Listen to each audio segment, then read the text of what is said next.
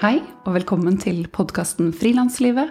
En podkast av min kollega Hanna von Bergen og meg, Kristina Skreiberg. Vårt mål med denne podkasten er å være en faglig og inspirerende kanal for alle som jobber for seg selv i medie-, kunst- og kulturbransjen. Ukens annonsør er regnskapsprogrammet Fiken.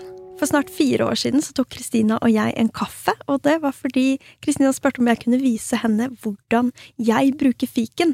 Og jeg ville vise henne hvor lett det er å føre regnskapet selv. Og den kaffen, det var faktisk det som var startskuddet til denne podkasten.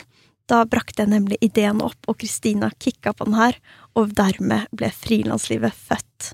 Fiken er et regnskapsprogram vi begge bruker, som vi helhjertet anbefaler til andre frilansere.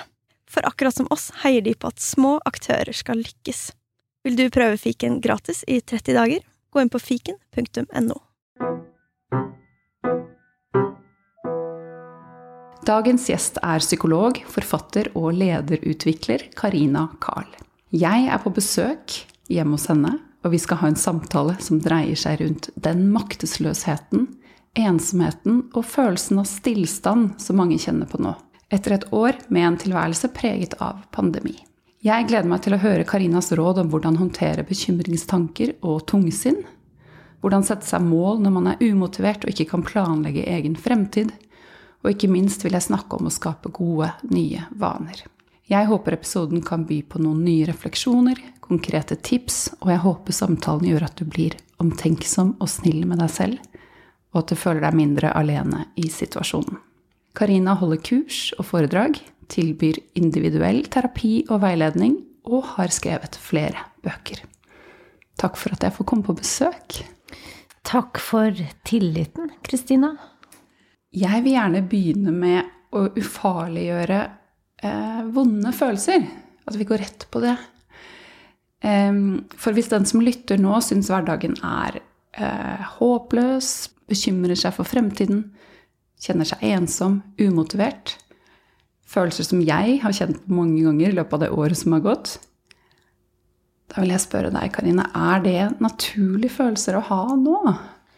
Det er så naturlig å kjenne på både frykt, tristhet, ensomhet Altså tristhet i betydningen sorg, tap mange av oss uh, har mistet um, Om vi har mistet livsgrunnlag, eller um, det, det, er kanskje ikke så viktig akkurat hva vi har mistet. Vi har mistet mye av kjernen i det som gir næring i et liv.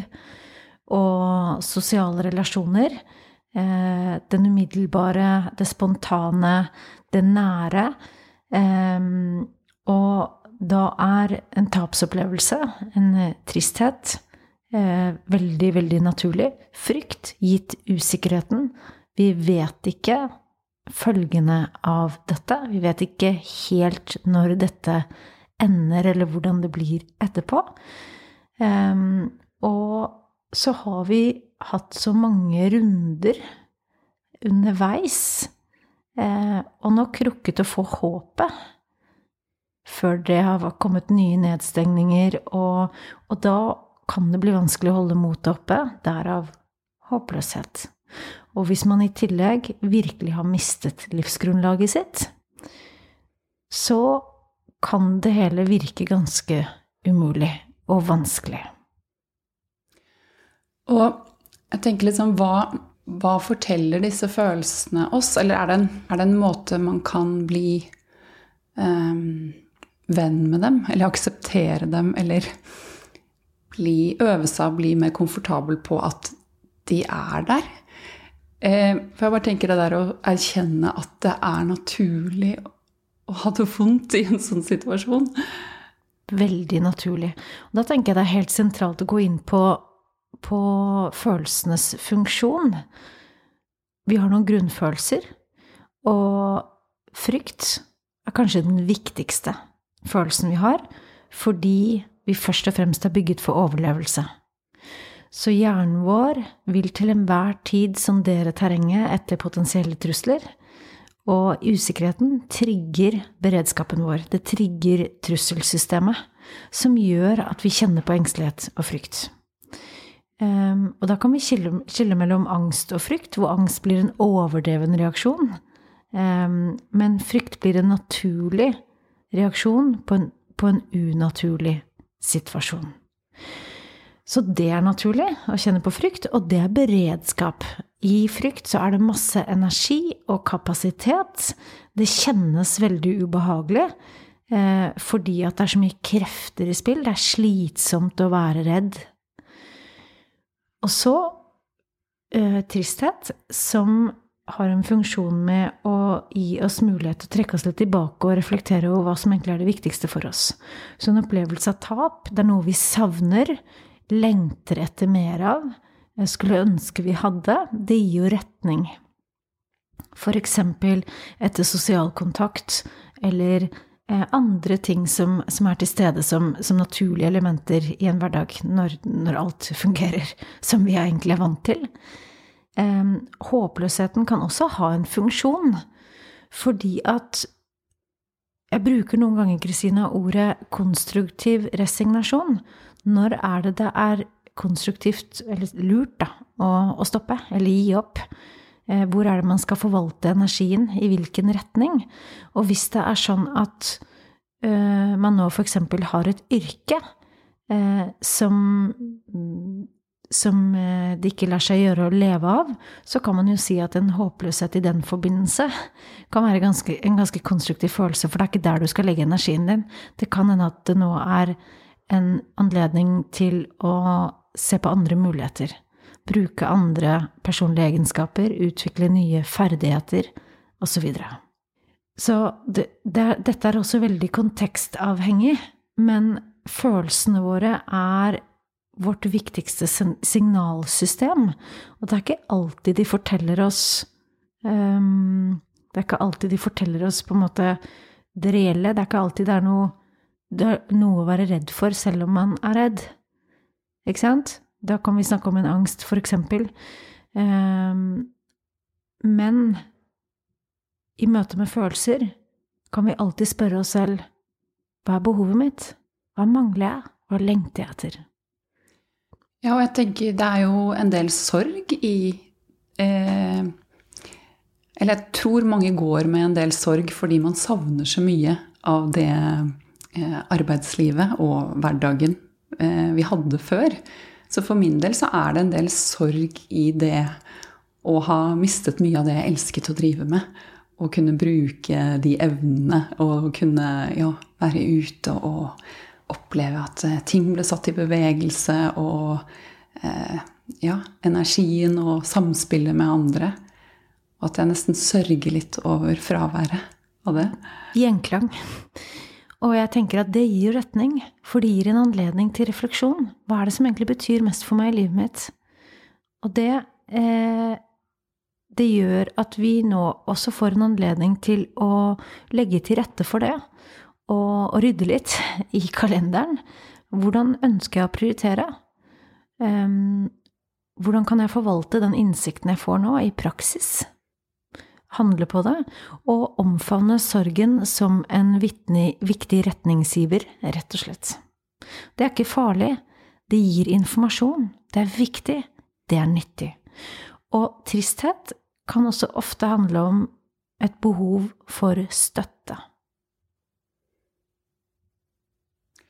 Og det er ikke så lett å strekke hånden ut og be om støtte. Eh, og selv syns jeg det er vanskeligst når jeg har det tyngst. At eh, jeg ser et slags mønster i at jo, jo mer tungsindig eh, Eller de periodene hvor jeg har vært mest ensom på hjemmekontoret og mest preget av tungsinn, så isolerer jeg meg mer enn jeg strekker hånda ut. Og det er kanskje da man trenger det mest. Og det er du så ikke alene om. Så det tenker jeg også er um, en invitasjon til oss alle til å snakke mer om og dele mer av hva vi erfarer nå, for at vi for å øke sannsynligheten for at vi alle kan oppleve en gjenklang. Og det gir en slags trygghet. Og det gir jo et fellesskap. Det gir en opplevelse av tilhørighet. Og det er jo også noe av det vi mister i møte med sosial distansering, som er helt avgjørende for oss. Sånn at nå kan mange også kjenne på en sånn dyp eksistensiell uro, ikke sant? Utrygghet. Én eh, ting er livsgrunnlag, men en annen ting er fravær og savn etter flokken. Menneskene, det nære. Vi, dette er ikke naturlig. Alt annet enn dette er naturlig. Eh, vi trenger hverandre. Vi trenger å høre til. Vi er rett og slett flokkdyr. Sånn at systemet vårt skal nå gå litt i alarm.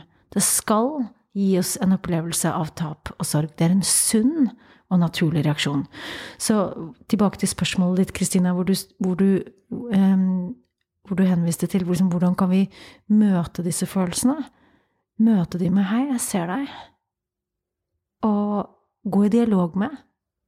Um, omtrent um, holde rundt følelsene, ikke sant? Og, og fortelle de at eh, det er naturlig.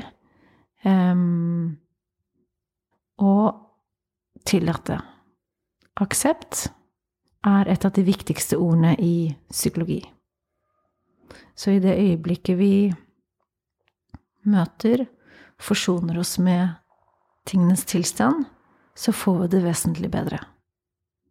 Og det er jo ofte veldig mye lettere sagt enn gjort. Og jeg tror jo for mange så kan alle disse følelsene eh, At det kan eh, kjennes som et kaos, og at man ikke kan helt skille hva som er hva. Hva føler jeg om hva? Og hva føler jeg nå? Er det sorg, eller er det tristhet, eller er det ensomhet? Eh, altså Har du et råd til hvordan man kan klare å sortere dem, eller eh, skape en slags distanse, sånn at man kan liksom få et overblikk over dem? Kanskje trenger man heller ikke å sette etiketter på, eller å, å sette navn på, men heller å spørre hva, hva trenger jeg, hva er behovet mitt, hva savner jeg, fordi det er det det handler om. Det er det som er essensen ved disse signalsystemene som vi kjenner som følelser. Og de kan komme til uttrykk både um, mentalt, i måten vi tenker på, og de kan komme til uttrykk veldig fysisk, kroppslig. Spesielt en sånn angst, uro, eh, som usikkerheten kan skape. Og hvor tristheten kanskje gir en tyngde eller eh, en opplevelse av å være energiforlatt. At man ikke har så mye initiativ. Jeg snakker med mange, både privat og i, i jobbrelatert, i kraft av å, å ha en klinikk. Og det jeg ser som en sånn gjennomgående greie, det er en sånn flathet, en opplevelse av mangel på tiltak, lav energi, selv om man hviler, selv om man kanskje også til og med har det godt både hjemme og har familie og trives i jobb og har en uh, ganske normal hverdag, selv om uh, det er hjemmekontor, uh, så er det veldig mange som kjenner på en flathet fordi man ikke får den inputen og energien eh, fra det kulturelle, fra eh, det umiddelbare, det spontane, det livet. Jeg reflekterer ofte over at jeg opplever at det er som at det er et sånn liksom, tungt lokk over byen, over landet, over verden. Jeg sitter og nikker, for jeg kjenner meg sånn igjen. det tror jeg mange gjør. Så jeg tror egentlig i det, det å um, snakke om det. Og vi har jo en tendens til å identifisere oss med. Uh, og jo mer vi snakker om og leser om og forstår at vi ikke er alene, i større grad kan vi observere heller enn å tenke at dette sier noe om meg, men heller at dette sier noe om å være menneske i en sånn situasjon. Og hvis den som lytter, føler seg alene og ensom, og man tenker at dette står jeg i alene, så er vi veldig mange som også kjenner det sånn. Og jeg har reflektert en del over det der å strekke hånden ut også når man føler seg svak, eller eh, kanskje aller mest da man trenger å strekke hånden ut. Og eh, bli, øve meg på å bli mer komfortabel med å ikke alltid føle meg på topp. Eh, og også øve meg på å være komfortabel og være rundt andre uten å være på topp. At um, man kan være sammen selv om ikke Eh, selv om man ikke har den beste dagen. Eh, men det er en, eh, for min del en øvelsessak å også hvile litt i det. Å kunne ja, møte verden og være litt sånn transparent på hvordan man har det. Jeg tenker at du er inne på noe veldig sentralt der, Kristina. fordi, som jeg nevnte tidligere, så er vi flokkdyr. Vi trenger å høre til. Og for å sikre tilhørighet så vil vi ofte ha et vesentlig mer kritisk blikk på oss selv enn det vi har på andre. Det kan jo være konstruktivt for å sikre at vi på en måte holder oss litt på matta overfor andre mennesker. Og da øker sannsynligheten for at vi oppfører oss i tråd med normer og regler og hva som er greit, og, og da um, blir akseptert. Um, og da blir vi veldig ofte vesentlig mer kritiske til oss selv. Det viser forskning ganske tydelig enn det vi er til andre. Og vi tror at andre er mer kritiske til oss enn det de er. Og dette er sentralt sånn eh, i å kunne hvile i eh, det sosiale rom. Eh, fordi veldig mange utfordres av tanken på, eller frykten for ikke å være god nok. Um, opplevelsen av å ikke ha verdi, måtte gjøre noe bestemt, måtte vise til noe. Um, og, og, det vi jo ofte gjør, det er å kle oss i ytre verdier. I kraft av um, titler, eller uh, det kan være reelt klær, ikke sant? Um, og uh, hus. Uh, alt det som har med det ytre å gjøre. for å skape en eller annen sånn Det skaper ofte en illusjon om at, at, da er jeg mer interessant for den ytre verden. Men faktum er at vi er alle sårbare, og vi møtes i sårbarheten. Og når du, Kristina, våger å vise deg transparent for verden, som er en gave, som du skal håndplukke hvem du viser deg for, avhengig av hvem som fortjener det, basert på hvordan de møter deg å møte deg med den verdigheten du fortjener i det. For det å slippe et annet menneske inn i sitt innerste rom, det er der vi føler oss trygge.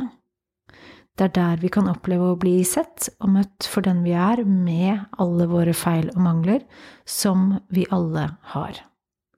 Og det er det som handler om å høre til. Vi må skille mellom å høre til og å passe inn. I det øyeblikket vi forsøker å kle oss med alt det ytre, det vi tror vi må gjøre, den vi tror vi må være for å fortjene en plass, så passer vi inn. Men vi vil aldri oppleve å høre til. Og det fordrer å gjøre seg synlig, og det er sårbart. Det krever mot. Og sårbarhet er det mest direkte målet for mot. Og det å være, tørre å være sårbar, det er da du er modig. Jeg sitter og nikker, for jeg syns det er veldig veldig fint det du sier. Mm. Treffer meg rett i hjertet. Mm. Mm. Og det gjør det for oss alle. For det eneste vi trenger, helt grunnleggende, det er å bli akseptert for den vi er. Verken mer eller mindre.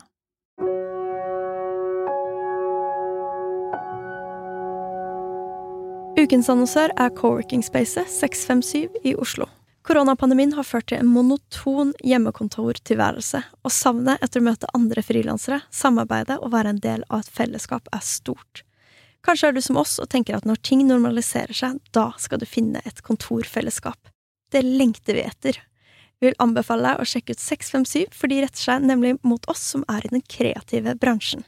De har en egen mentorordning, slik at du kan utvikle deg. De har foto- og podkaststudio til en skikkelig sympatisk pris, og de tilbyr fleksible løsninger for deg som kun trenger et sted å sitte et par dager i uka. Sjekk ut 657.no. For veldig mange i kunst- og kulturbransjen så har eh, vi jo dette året mistet veldig mye av det som er på en virke. Eh, det man går ut og gjør hver dag, og de evnene man er vant til å bruke.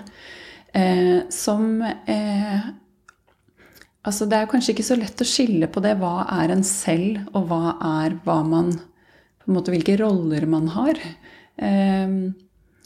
Nå tenker jeg litt høyt, men mange jo, lever jo av den rollen de har. Men det å klare å møte verden uten at man nødvendigvis er aktiv eh, i rollen sin for tiden, kan jo kanskje være utfordrende. Hvem er jeg da? Ja, hvem er man når man ikke får skape eller mm. eh, jobbe eller eh, utøve?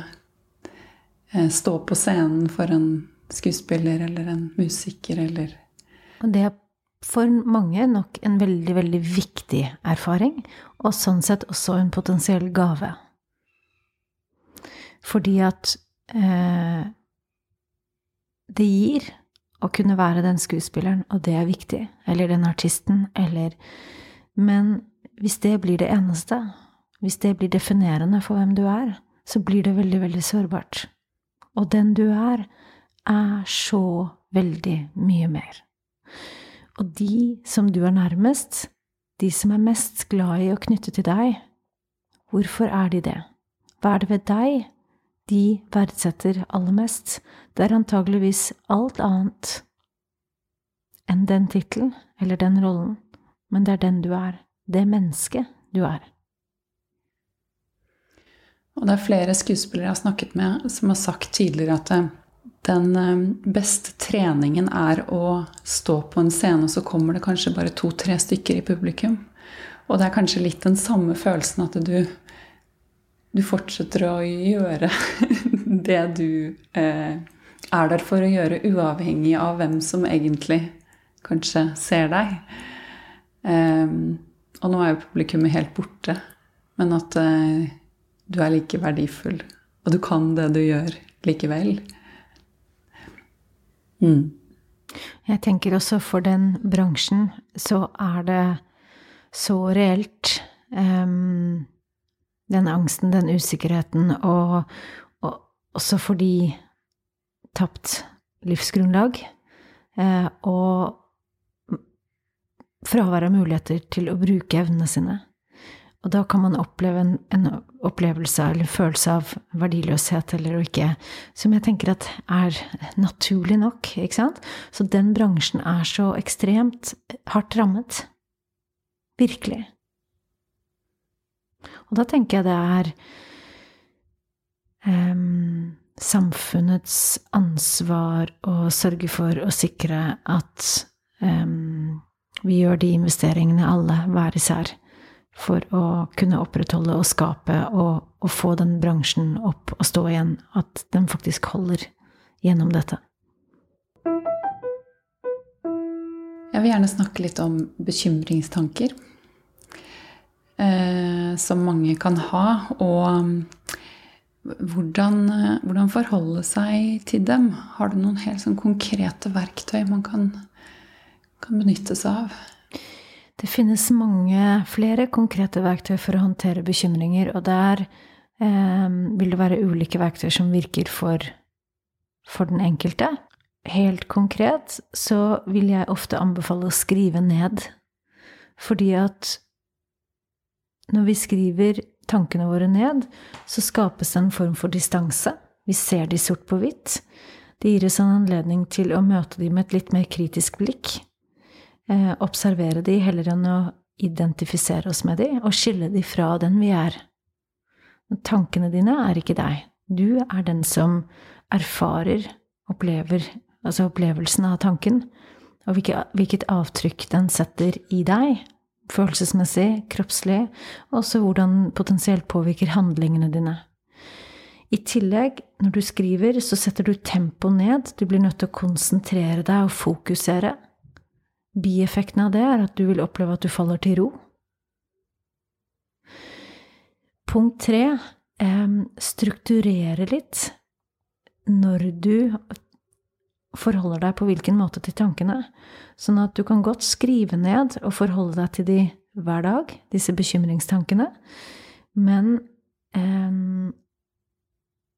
mange opplever stor nytte av å lære å tørre å utsette de. Fordi at bekymringer kan jo ofte skape et sånn behov for å løse et problem, ikke sant? så vi blir gående og kverne på de. Um, men det å, å, sette av tid i kalenderen hver dag en sånn bekymringshalvtime. Så jeg kan godt bekymre meg hver dag, men kun en halvtime. Den skal være sammenhengende. Og det er ikke lov å spare bekymringstid. Så hvis du hadde en kjempefin dag i går og ikke hadde noe behov for å bekymre deg, så er det ikke sånn at da har du en time til rådighet i dag, for du har spart en halvtime. Du har kun 30 minutter. Så mye av øvelsen ligger i det. Ikke sant? Å begrense. Da kan du sette deg ned og, og tenke, gjerne skrive, forholde deg til bekymringstankene på skrift. Um, og så er en sentral del av øvelsen nettopp å øve seg i å utsette. Så når bekymringstankene kommer gjennom dagen, han sier at 'hei, jeg ser deg, vi har en avtale klokken syv'. Eller ikke sant? akkurat som naboen banker på. Hvis det er noe du ikke helt klarer å slippe, skriv tanken eller temaet ned, og så kan du ta deg av det i den bekymringshalvtimen. Så vil du se at hva er det som gjenstår som er relevant, ikke sant? Og det blir lettere for deg også å skille mellom de tankene og bekymringene som er hensiktsmessige, det vil si der hvor du kan foreta deg en konkret handling, og de tankene og bekymringene som ikke er så hensiktsmessig, som er utopi eller en tenkt fremtidig situasjon. Sånn at det å skrive ned og utsette, det har flere funksjoner. Men da sitter jeg og tenker at hva hvis jeg kommer på en bekymringstanke midt på dagen, og så tror jeg hadde tenkt Og den skal jeg spare til klokken syv, men hva hvis jeg glemmer den? Mm. Men det er jo kanskje bare bra. Da var den kanskje ikke så viktig likevel. Nettopp. Punkt to. Hva hvis? Dette er kjempefint, Kristina. Det er et godt eksempel. Hva hvis-tanker, det er bekymringer. Ja. Hva hvis jeg glemmer den? Og hva, hva er det verste som kan skje med det? Ikke sant? I tillegg så kan vi også lære oss til å spørre oss selv hva er det beste som kan skje? Hva er det mest realistiske? Og min erfaring er i møte med klienter, altså, og også i møte med meg selv. Jeg er jo først og fremst et menneske. Det som skaper lidelse for oss, det som gjør det vondt og vanskelig for oss mennesker, det er ikke alltid virkeligheten, realiteten. Det er veldig ofte tankene. Um, så det å lære verktøy for å håndtere tanker på en konstruktiv måte, det er en gullgruve. På den måten kan vi også da ta kontroll over følelsene våre. I møte med bekymringstanker så kan du også spørre deg selv Kommer jeg til å overvurdere sannsynligheten for at dette skjer? Eller forferdeligheten? Hva som vil være konsekvensene? Undervurderer jeg min egen evne til å håndtere en eventuell situasjon? Har jeg stått i noe lignende før? Hva gjorde jeg da? Har jeg tenkt denne tanken før? Har det skjedd da? Hvor mange ganger har jeg tenkt tankene? Hvor mange ganger har det skjedd? Så man kan forholde seg til tankene på en helt annen måte. Ofte så er bekymringer veldig sånn opphengt i temaer, så man har de samme temaene man kommer tilbake til. Og det gir også en nyttig innsikt.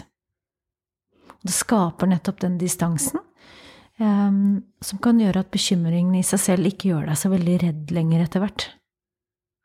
At det blir litt som en gammel venn som kommer innimellom. Og at det er et mønster fremfor en reell bekymring? Nettopp. Og det blir jo et forsøk på å løse et problem, ikke sant? Bekymre seg for å få kontroll. Så egentlig så kan man jo se det nettopp som, som en, et forsøk på å gjøre noe konstruktivt, på å handle. Men der det er så fint å se og skille mellom er dette hensiktsmessig eller ikke, i betydningen er det noe konkret jeg kan foreta meg for å løse dette?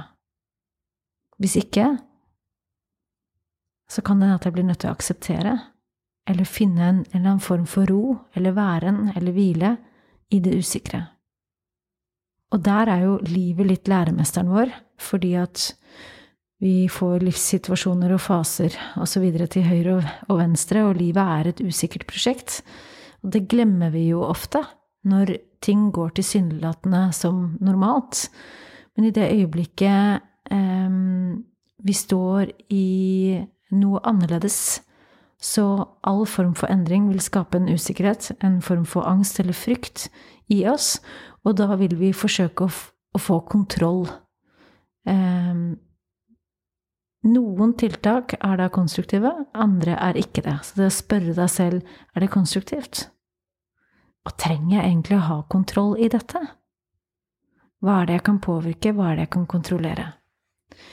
Og så kan man også bruke sånn perspektiv og se for seg at eh, når alt dette er over, når det har gått bra, eller når jeg gjør mine siste dager gammel og klok, eh, og ser tilbake på livet mitt, hva vil jeg tenke om den situasjonen jeg står i nå og da? Hva ville jeg sagt til meg selv, rådet meg selv til å gjøre? Så løfte blikket og den effekten kan også en type meditasjon ha, for eksempel. For meditasjon gir oss en økt metakognitiv innsikt. Det vil si at vi kan forholde oss til tankene på en annen måte og lære oss å observere de, heller enn å identifisere oss med de. Og se de som biler på en motorvei, eller um, Men da um, å bli bevisst på på en måte hvilket Eller tog, for eksempel, da. Og hvilket tog er det du skal hoppe på, ikke sant?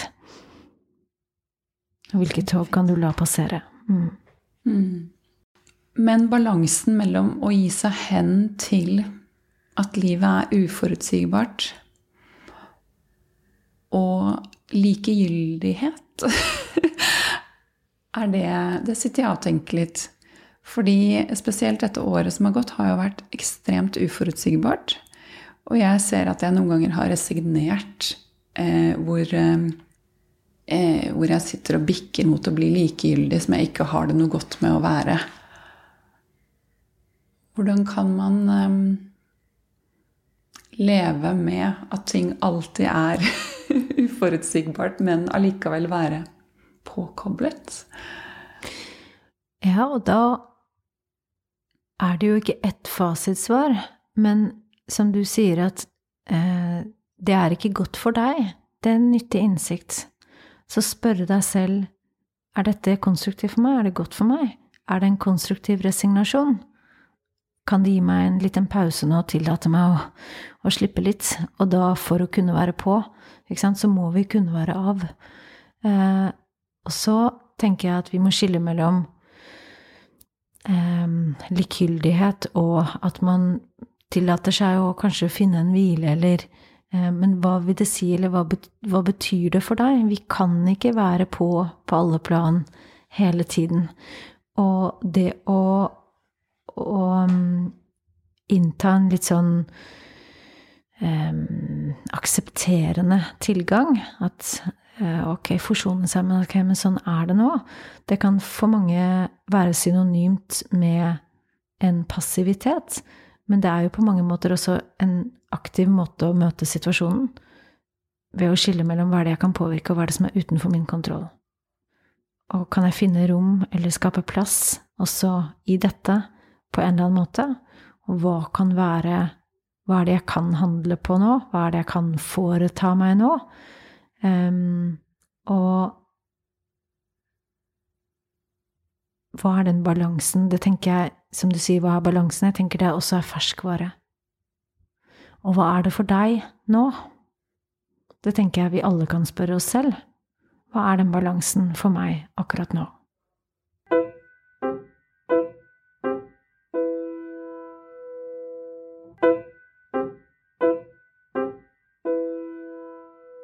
Veldig lyst til å snakke litt om det å jobbe med egen motivasjon hvordan man kan eh, Det å sette seg mål eh, også i en situasjon når man ikke nødvendigvis har mulighet til å planlegge når ting skal realiseres. Og det å skape mestringsfølelse selv om man kanskje ikke kjenner mestring på samme måte som man kjente på før. Hva er arenaer som kan gi deg mestring nå? i denne hverdagen som vi står i, så avhenger jo det av um, For noen så vil det være faktisk å ha en Prøve å holde dagen gående. Eller få gjort noen av de tingene som er sånn hverdagslige, som å vaske klær eller lage mat, eller eh, hvis man virkelig syns at dette er strevsomt og tungt, eh, hverdagslige rutiner og en god struktur på det i det hele tatt, det kan være mestring nok for mange. Det å komme seg opp til ok tid, komme seg ut, få litt frisk luft, noen sånne elementer. Um, motivasjon, der er det jo også ulikt hva som motiverer den enkelte. Men hva motiverer deg?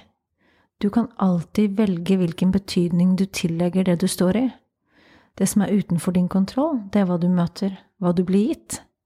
I situasjoner, for eksempel, eller relasjonene du møter. Det som alltid er i din kontroll, det er måten du møter, og betydningen du tillegger. Så hva er en betydning du kan tillegge den situasjonen du befinner deg i nå, som for deg gir motivasjon.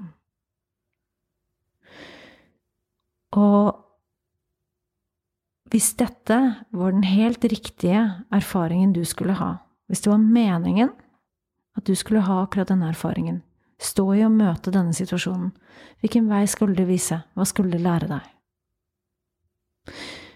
Og der er vi litt tilbake til dette med, med trygghet og tillit og våge å hvile i at dette er en fase, at dette um, At du nok skal finne din vei, også selv om det føles motløst og håpløst. For det kan vi alle kjenne på tidvis.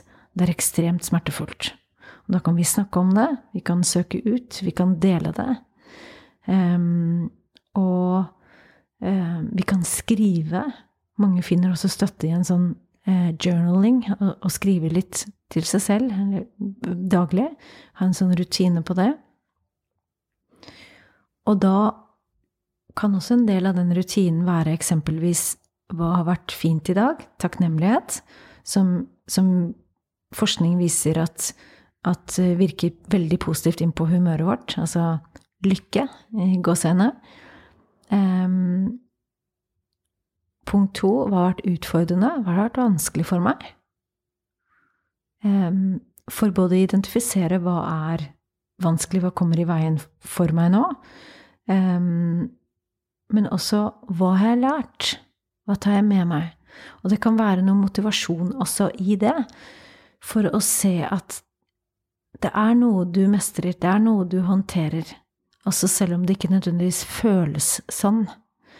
Så hvis man er en av de som har blitt fratatt livsgrunnlaget, eksempel, og at hverdagsstrukturen er helt borte. Og prøve å skape en struktur i kraft av å ha noen sånne gode rutiner. Og også på det å sjekke inn med seg selv for å, for å se at, at, det er noe du gjør. Det er noe du kan lære, det er noe du kan hente. Um, og det i seg selv kan gi motivasjon. Og det kan være mye motivasjon i også det å behandle seg selv med respekt.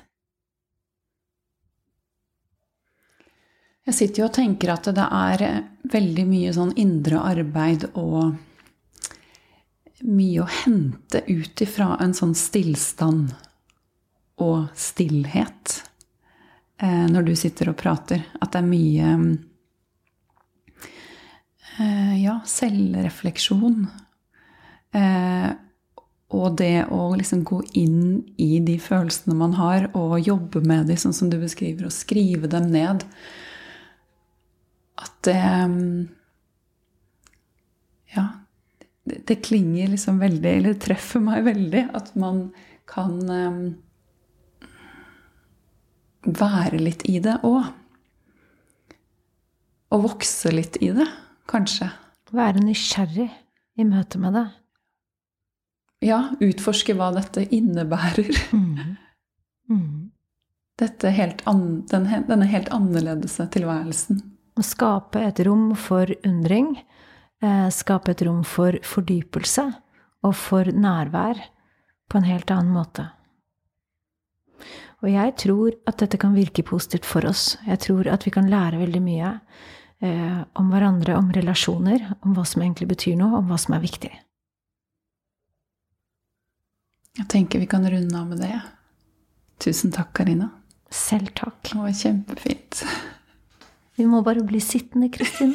Ja, jeg ble litt rørt, jeg. Kan, ikke vi ha- kan ikke vi ha sånn ukentlig innsjekk? Det er dette vi liksom trenger nå. Jeg kommer, jeg. Kom.